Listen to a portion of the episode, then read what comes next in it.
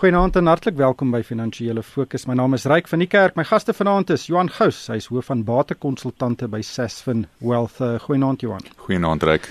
En uit Pretoria gesels Dawie Klopper, hy's 'n finansiële raadgewer en 'n portefeuljebestuurder by PSG. Goeienaand Dawie.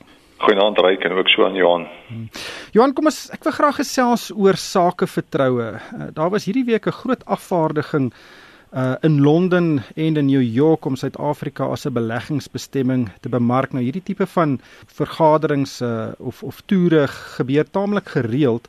En dis nog al 'n hoofvlak afvaardiging. Nhlanhla Nene, die minister van Finansies, het natuurlik die politieke afvaardiging gelei. Uh Jabo Mabuza, voorsitter van Telkom en Bonang Mohale van Sake Leierskap Suid-Afrika het 'n sterk sake um weet uh afvaardiging gelei. Daar was ook verteenwoordigers van georganiseerde arbeid. En daar was twee doelwitte. Nommer 1 verhoog die buitelandse sake vertroue in Suid-Afrika en keer dat uh, Suid-Afrika se kredietgradering verder afgegradeer word en dan het hulle ook 'n bietjie geld gesoek so 3 miljard dollar se lenings. Nou Johan, hierdie tipe van voorleggings werk as volg: die minister en die sakeleiers en die vakbondleiers, weet hulle doen die een voorlegging na die ander en hulle vertel die mooi storie uh, van hoe wonderlik dit in Suid-Afrika gaan en uh, dan luister hierdie uh, beleggers nou en hulle is maar gewoonlik verteenwoordigers van groot fondse en pensioenfondse en soms ook afgevaardigdes van graderingsagentskappe en dan die idee is dat hierdie voorleggings hulle laat o en a en uh dat hulle hulle inspireer oor die toekoms van Suid-Afrika en dan belê hulle hier en dan word dit nou uh weet uh, genoem beleggersvertroue of 'n toename in beleggersvertroue. Is dit so eenvoudig? Ehm um, weet as hierdie afvaardiging nou terugkom in Suid-Afrika en sê ja, ons het nou die beleggersvertroue in die buiteland verhoog. Is is dit die geval? Ryk ek dink op hierdie stadium ry ons op 'n golf van baie positiewe sentiment en ons het baie van dit reeds in ons markte en in die rand en ook in die rentekoerse op ons staatseffekte gesien maar ek dink ons uh, moenie onsself blindstaar teen die feit dat daar nog baie werk is om te doen nie. Maar terwyl ons hierdie golf van optimisme ervaar, moet ons daai golf ry so ver as moontlik. So nou is so goed as enige ander tyd om uit te gaan in die wêreld en 'n positiewe boodskap te gee. En wat is daai positiewe boodskap wat ek sou sê wat ek sou wil sien wat nou op hierdie stadium uitgaan? Eerstens, ehm um, dat ons gaan doen as 'n land wat ons moet doen wat ons in die staatsrede gesê het en ook in die begroting gesê het. Tweedens, dat ons nuwe kabinet wel die vermoë het en die kapasiteit om daai planne uit te voer wat ons wel het op die tafel. En dan dat korrupsie sal uitgeroei word al vat dit ook hoe lank. En laastens ook dat die regering sal nie deur politieke partye voorgesê word wat om te doen en spesifiek met die oploop na die 2019 verkiesing nie. En die regering sal moet wys dat hulle in beheer is van hierdie proses wat ons nou volg. Maar ek dink oor die algemeen as ons praat van meer optimisme dan praat ons van ja die buitelandse be, uh, beleggings wat ons wil sien in terme van volhoubare beleggings, nie net korttermyn beleggings wat in ons markte inkom en uitgaan nie. Ons wil vaste investering sien en ons wil sien dat dit uh, inkom uh, op die regte areas van ons ekonomie. Maar wat jy nou sê is belangrik want uh, van hierdie beleggers is maar grootliks ge, gefokus op korttermyn staatsskuldbeleggings in Suid-Afrika of selfs aandelebeleggings. Presies en daarom is die sentiment so 'n kritiese storie want ons weet sentiment kan baie vinnig draai. Daarom kan ons byvoorbeeld nie bekostig dat hierdie hele storie van grondoneiening te lank voortduur sonder dat daar baie duidelike uh, riglyne rondom dit is wat dit is vir wie dit wat gaan beteken en hoe gou dit aangespreek gaan word. Nie. Ons gaan nou verseker gesels oor die onteiening sonder vergoeding. Maar Dawie, wat is jou indrukke oor die sogenaamde fenomeen van uh, verhoogde sakevertroue of beleggersvertroue? Ek dink 'n mens dis 'n aanvoeling wat mens mos maar ook kry deur allerlei aksies wat geneem word of of gebeure, dinge wat gebeur. So mens kry die indruk dat sentimente het verbeter. So daai is dink ek dan ook maar die ding van vertroue. En dit het natuurlik begin gebeur nadat president Ramaphosa tot president van die ANC verkies is en toe natuurlik tot president van die land. Is daar 'n redelike optimisme wat opgebel het en ons het gesien dat die buiteland het wel hierdie portefeulje beleggings kom doen in Suid-Afrika. Hulle het dit al gedoen al van middel Oktober af het hulle begin op groot skaal ons aandele koop en ons ook natuurlik ons staatseffekte. So daar is dan miskien die eerste teken van dat hierdie vertroue besig is om te herstel. En maar nou dink ek is dit belangrik dat dit en ek dink Johan het dit ook so genoem genoem dat dit gerigsteen word deur werklike optrede en dat ons uitkomste kry.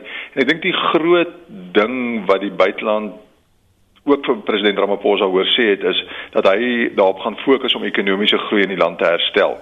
En om dit reg te kry, moet jy besef dat vertroue is noodsaaklik. So ons moet dinge doen, die regte dinge doen om die vertroue te bly herstel en dan soos Johan dan die alle twee goed op die tafel gesit het, die ding van korrupsie en dan leierskap by staatsondernemings. Dit moet alles is die hele pakkie wat president Ramaphosa aan die aan Suid-Afrika bied met sy staatsrede en dan nou ook na die wêreld toe uitrol om hulle te sê ons gaan dinge beter doen. Ons gaan groei reg kry want ons moet groei reg kry want dis die enigste manier ons die groot probleme in die land gaan oplos, die groot probleem van werkloosheid. Johan, kom ons gesels oor onteiening sonder vergoeding. Dit was natuurlik ek neem aan die heel eerste vraag wat aan die onderskeie afgevaardigdes gevra is. Ehm um, en dis baie duidelik nie net in Suid-Afrika 'n uh, bekommernis nie, maar ook in die in die buiteland. Ja, reken ek dink wat ons nie wil sien nie is dat daar gemengde boodskappe uitgaan na die uh, na die buiteland. Jy weet, op hierdie stadium ehm um, ek dink ek is daar nog baie meer duidelikheid wat gegee moet word oor presies. En ek dink ons baie min mense wat werklik verstaan waaroor die hele kwessie gaan en en hoe dit op die einde van die uh, van die dag individue kan raak, hoe dit finansiële instellings kan raak. Jou slegste scenario sal wees waar ons banke geaffekteer word daardeur en ehm um, dit weer eens dan onsekerheid in die mark veroorsaak. So ek dink op hierdie stadium moet ons net besef dat jy weet as ons kyk na Moody's se kredietgraderingsbesluit, ek dink tot en met nou toe as ons as ons hierdie uit die prentjie uitgehaal het, was die kans baie goed dat ons nie 'n afgradering gaan kry nie. Maar nou met hierdie kwessie wat nog steeds um, op die agenda is, is daar nog steeds by my onsekerheid of dit nie dalk een van die redes kan wees hoekom Moody's wel kan dalk besluit om tog maar ons af te gradeer nie.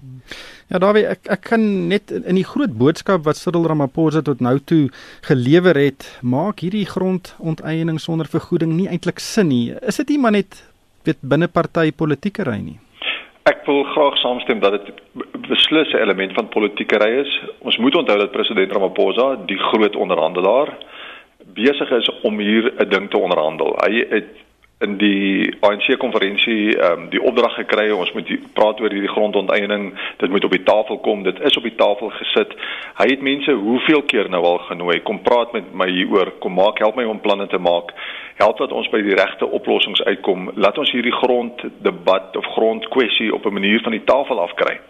Dink ons moet dit ook raak sien. Ons moet ook raak sien dit wat hy saam met die eens eerste stelling ons gaan grondonteien sonder vergoeding sê, dit gaan nie skade doen aan die ekonomie nie. Dit gaan nie voedselproduksie raak nie. Daai word eintlik bietjie misgekyk telke male. En ehm um, ek dink ehm um, mense moet ook dit as mens oor hierdie ding wil praat, dit ook raak sien dat dit deel van die gesprek is, maar ek dink dis kritiek belangrik dat ons aan die gesprek gaan deelneem. Die sake sektor, die die landbousektor gaan daaraan deelneem. Ek dink die kerke gaan daaraan deelneem. Die gewone man op straat met sy organisasies gaan daaraan deelneem. So ons moet by 'n antwoord uitkom en ek dink tog ons moet op hierdie stadium sien wat doen die rand in hierdie omstandighede. Al hierdie emosie is los, maar die rand bly sterk. Ek dit is amper vir my interessant. Skies tog net om aan te sluit daar, ek weet, meneer Ramaphosa is 'n sakeman. Hy werk met 'n plan, hy is 'n onderhandelaar. Meneer Zuma het nie sommer net oornag uit daai pos vir uh, is hy verwyder as president nie. So ek dink hy moet uh, meneer Ramaphosa moet op hierdie stadium al die partye nog steeds basies in spel hou en kyk hoe ons hierdie ding op 'n behoorlike manier sal kan aanspreek.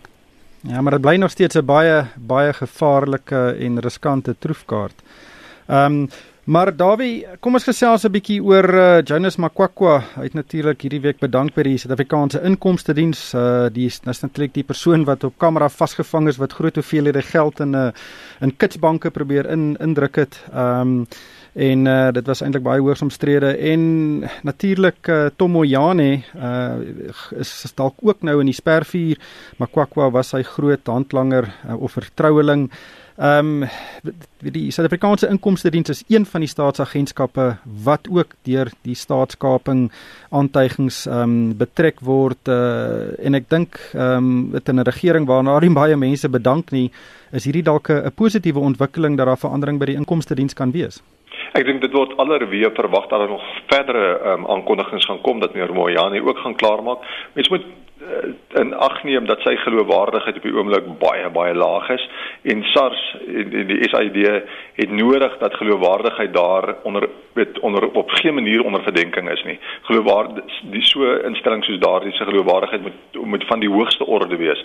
En dit is nie op die oomblik so nie en daarom het die president ook in sy staatsrede gesê dat ons dat hy 'n kommissie vir ondersoek gaan aanstel na na na, na die SAID toe en dat ons moet verwag dat daar gaan sekere uitkomste wees wat gaan lei tot 'n verandering in daai bestuur. Die feit dat die uh, meneer Makawana as ek sy naam reg kan uitspreek op 'n manier uh, bedank het is goed en dit is sekerlik positief maar ek dink dit was onvermydelik geweest. Hy was so gekompromiteer dat dit eintlik nie kon anders nie. Ryk hierdie is vir my 'n deel van 'n groot en lang skoonmaakproses. Jy weet die korrupsie was baie baie diep, het dit wortel geskiet in die regeringsstelsel. Jy weet nou gaan die KPMG verslag ook bekend gemaak word en so bly daar nuwe inligting uitkom en dit is 'n baie positiewe ding. Maar uh, hierdie is 'n saak vir die regstelsel uh, wat hulle sal moet hanteer en uh, ek dink ons het onlangs gesien dat ons howe het die vermoë om politieke sensitiewe kwessies baie goed te hanteer. En ek dink so 'n voortsetting van wat Cyril Ramaphosa begin het uh en hy momentum lyk like my uh jy weet gaan nog vir 'n rukkie hou. Ehm um, Dawie uh Sassa en die betaling van sosiale toelaas uh is nou al die afgelope ruk in die nuus. Ehm um, en as uh, die agentskap speel nou letterlik kat en muis met die hof. Ehm um, want wat hulle in die hof sê en wat hulle in die publiek sê is nie dieselfde ding nie. Die oorspronklike kontrak wat onreëlmatig aan Cash Paymaster Systems toegeken is, moes sou op 31 Maart verstryk, dis so oor 'n week of wat. Ehm um, en uh en ek dink die die betaling van hierdie toelaas is die grootste enkele sosiale risiko vir Suid-Afrika want as dit nie betaal word nie, gaan die ware onderrok en en die, die gevolge van armoede deurkom en ons gaan sosiale onrus sien. So dit is kritiek dat daai toelaas betaal moet word, maar die agentskap uh, luister net nie vir die hof nie. Dit is ondenkbaar dat hulle nie vir die hof luister nie. Dit is ondenkbaar dat daar niks gebeur as gevolg hiervan nie. Onthou dis 10 miljoen mense wat afhanklik is van hierdie SASSA betalings. Dis wesentlik en ehm um, dit kan grootskaalse onsekerheid tot gevolg hê. Dit kan grootskaalse um, onrus tot gevolg hê as hulle op een of ander manier nie betaal word nie. Mense wonder net wie baat almal by die voortsetting van die kontrak. Hoekom is hulle so besig om nie na die grondwet of grondwet hof te luister nie? Hoe hoe kry hulle dit reg om hierdie bevele net so te verontagsaam en niks gebeur nie? So rykies reg as jy sê dit is wesentlik en dit moet ehm um, daar moet wesentlik ehm um, dringend ietsie omtrent gedoen word. Waarskynlik gaan die cash payment services nou aangaan om nog vir 'n tyd lank hierdie betalings te maak omdat hulle op 'n manier dan nou hier by baat en en en en die poskantoor is nog nie gereed om dit oor te neem nie en die ander uh, agentskappe wat dit moontlik kan oorneem nie. So hierdie ding moet ook op 'n hoë vlak uiteindelik opgelos word want tot soos dit soos dit nou is is dit ehm um, lei dit ook maar uh, dra dit ook by tot die feit dat ons nie die land se vertrouensvlakke nie behoorlik aan die gang kom nie. Johan, nog 'n punt daar is natuurlik uh, dis nie net uh, die mense wat gaan uh, geraak word nie, dis natuurlik ook veral die, die ekonomie en die plattelandse sektor. En baie opsigte is daai toelaas van die mees produktiewe geld wat die regering spandeer om ekonomiese aktiwiteite te stimuleer. Ja, maar trek onthou, die model wat hulle nou gaan gebruik, uh, is 'n model waar dit deur die banke, deur die poskantoor en ook deur kleinhandelaars uh, basies gaan uitbetaal word aan hierdie uh, mense en en ja, dit soort is basies in daai plaaslike ekonomie en daai plaaslike areas waar dit 'n groot verskil kan maak. Maar ek dink weer eens vir my, soos jy gesê het reg in die begin, uit 'n uh, sosiale situasie baie baie krities dat ons hierdie ding gaan aanspreek en vir my net so tref is die feit dat daar die verskillende boodskappe is. Woensdag het dit geklink asof daar gesê word die parlement is gemaklik met die vordering wat gemaak is en dan aan die ander kant hoor ons maar die nuwe diensverskaffer gaan nie tot Julie gereed wees nie. So wat is die waarheid? Hmm. Johan, bly sommer by jou uh Bitcoin. Dit is een van die onderwerpe wat die ook die nuus oorheers het die afgelope jare wat die pryse tot by 19000 dollar gespring en sedertdien het dit nou teruggesak is omtrent nou by 7000 dollar maar is besig om van die nuus te verdwyn. Ehm um, dit is nie meer so gewild nie. Google het 'n verslag of 'n inligting bekend gemaak wat sê eh, in die verlede was Bitcoin hulle grootste soekterm. Hmm. En nou is dit een of ander sportpersoon, ek ken nie eers die persoon nie. Ehm um, uh, dit is besig om van die toneel te verdwyn. Ja, en nou het tegniese ontleeders het ook na Bitcoin begin kyk en uh, wat hulle sien is dat daar tekens is dat Bitcoin nog verder kan daal van die huidige vlakke af. Hulle kyk byvoorbeeld na jou 50 dae gemiddeld wat vir die eerste keer sedert 2015 naby aan jou 200 dag gemiddeld is en dit is gewoonlik 'n teken dat hier nog moontlike verdere dalings is. Nou hoe goed daai modelle is vir hierdie nie, nie relatiewe nuwe fenomeen, weet ons nie. Uh Um, maar ek dink jy weet uh, duidelik wat ek ervaar is daar's baie minder mense wat vir my vra of ek Bitcoin het, het en daar's baie minder mense wat vir my sê hulle het Bitcoin. Hmm. Dawie, ek weet jy het 'n lekker sakkie vol Bitcoin, jou jou beltgordel se uh, het 'n uh, uh, bakkel op wat 'n uh, Bitcoin uh, dit uh, logo op het. Uh, wat is jou siening as uh, hoe dink jy moet iemand uh, na Bitcoin kyk as hulle heelwat daarvan besit of wel een of twee van daai eenhede besit? Ja, ek het nog altyd die houding geneem en ek was te vroeg om dit te sê hier in September verlede jaar vir mense verkoop die goed want die pryse het so baie gestyg. Hy het daarna natuurlik in Desember tot naby die 200 000 dollar vlak toe gegaan. In randterme was dit hier by die 275 000 rand op daai stadium gewees. Daai pryse het in randterme nou na 95 000 rand toe gedaal. Dit is soos 65% daling sedert Desember. Ehm um, so my houding is nog die heeltyd Bitcoin is eintlik na my mening waardeloos. Ek verstaan nie wat die nut van die van die geldeenheid is nie. Dis 'n privaat geldeenheid soos die mense sou sê. Dis uiters wisselvallig. Uh, en 'n geldeenheid wat sy sout werd is, het nie daardie klas van wisselvalligheid beweeg met 50-60% in 'n rigting nie. Die kwessie van regulering begin hulle nou te byt. Die kwessie die koste om die munte te myn is nou so duur soos wat die prys tans is. Die ding wat Johan gesê het van die tegniese analiste wat vir jou sê hoor hier's my die pryse op 'n vlak baie gaan in duie begin stort. Al die goed speel 'n rol om vir my nog verder eintlik maar skiet goed te gee vir my argument mens behoort nie Bitcoin te besit nie. Ag julle is net jaloers dat julle nie vroeg ingekom het nie. wel, wel reg, ons weet ten minste dat Bitcoin op die stadium vir Steinhoff en vir Resilient en so aan beter laat lyk. ja, inter interessant net, net 'n kantlyn opmerking maak. EOH wat ook die week in die nuus was, se prys het sedert Desember 2016 met dieselfde tipe vlakke gedaal as wat Bitcoin nou die afgelope maand of twee gedaal het. Uh, dis net interessant om dit alles so 'n bietjie in perspektief te sien hoe hoe dinge beweeg in die land. Ja, daai noot moet ons ongelukkig uh, haltroep. Baie dankie aan Johan Gous van Sasfin en Dawie Klopper van PSG en van my ryk van die kerk. Dankie vir die saamluister en ek koop almal net 'n winsgewende week.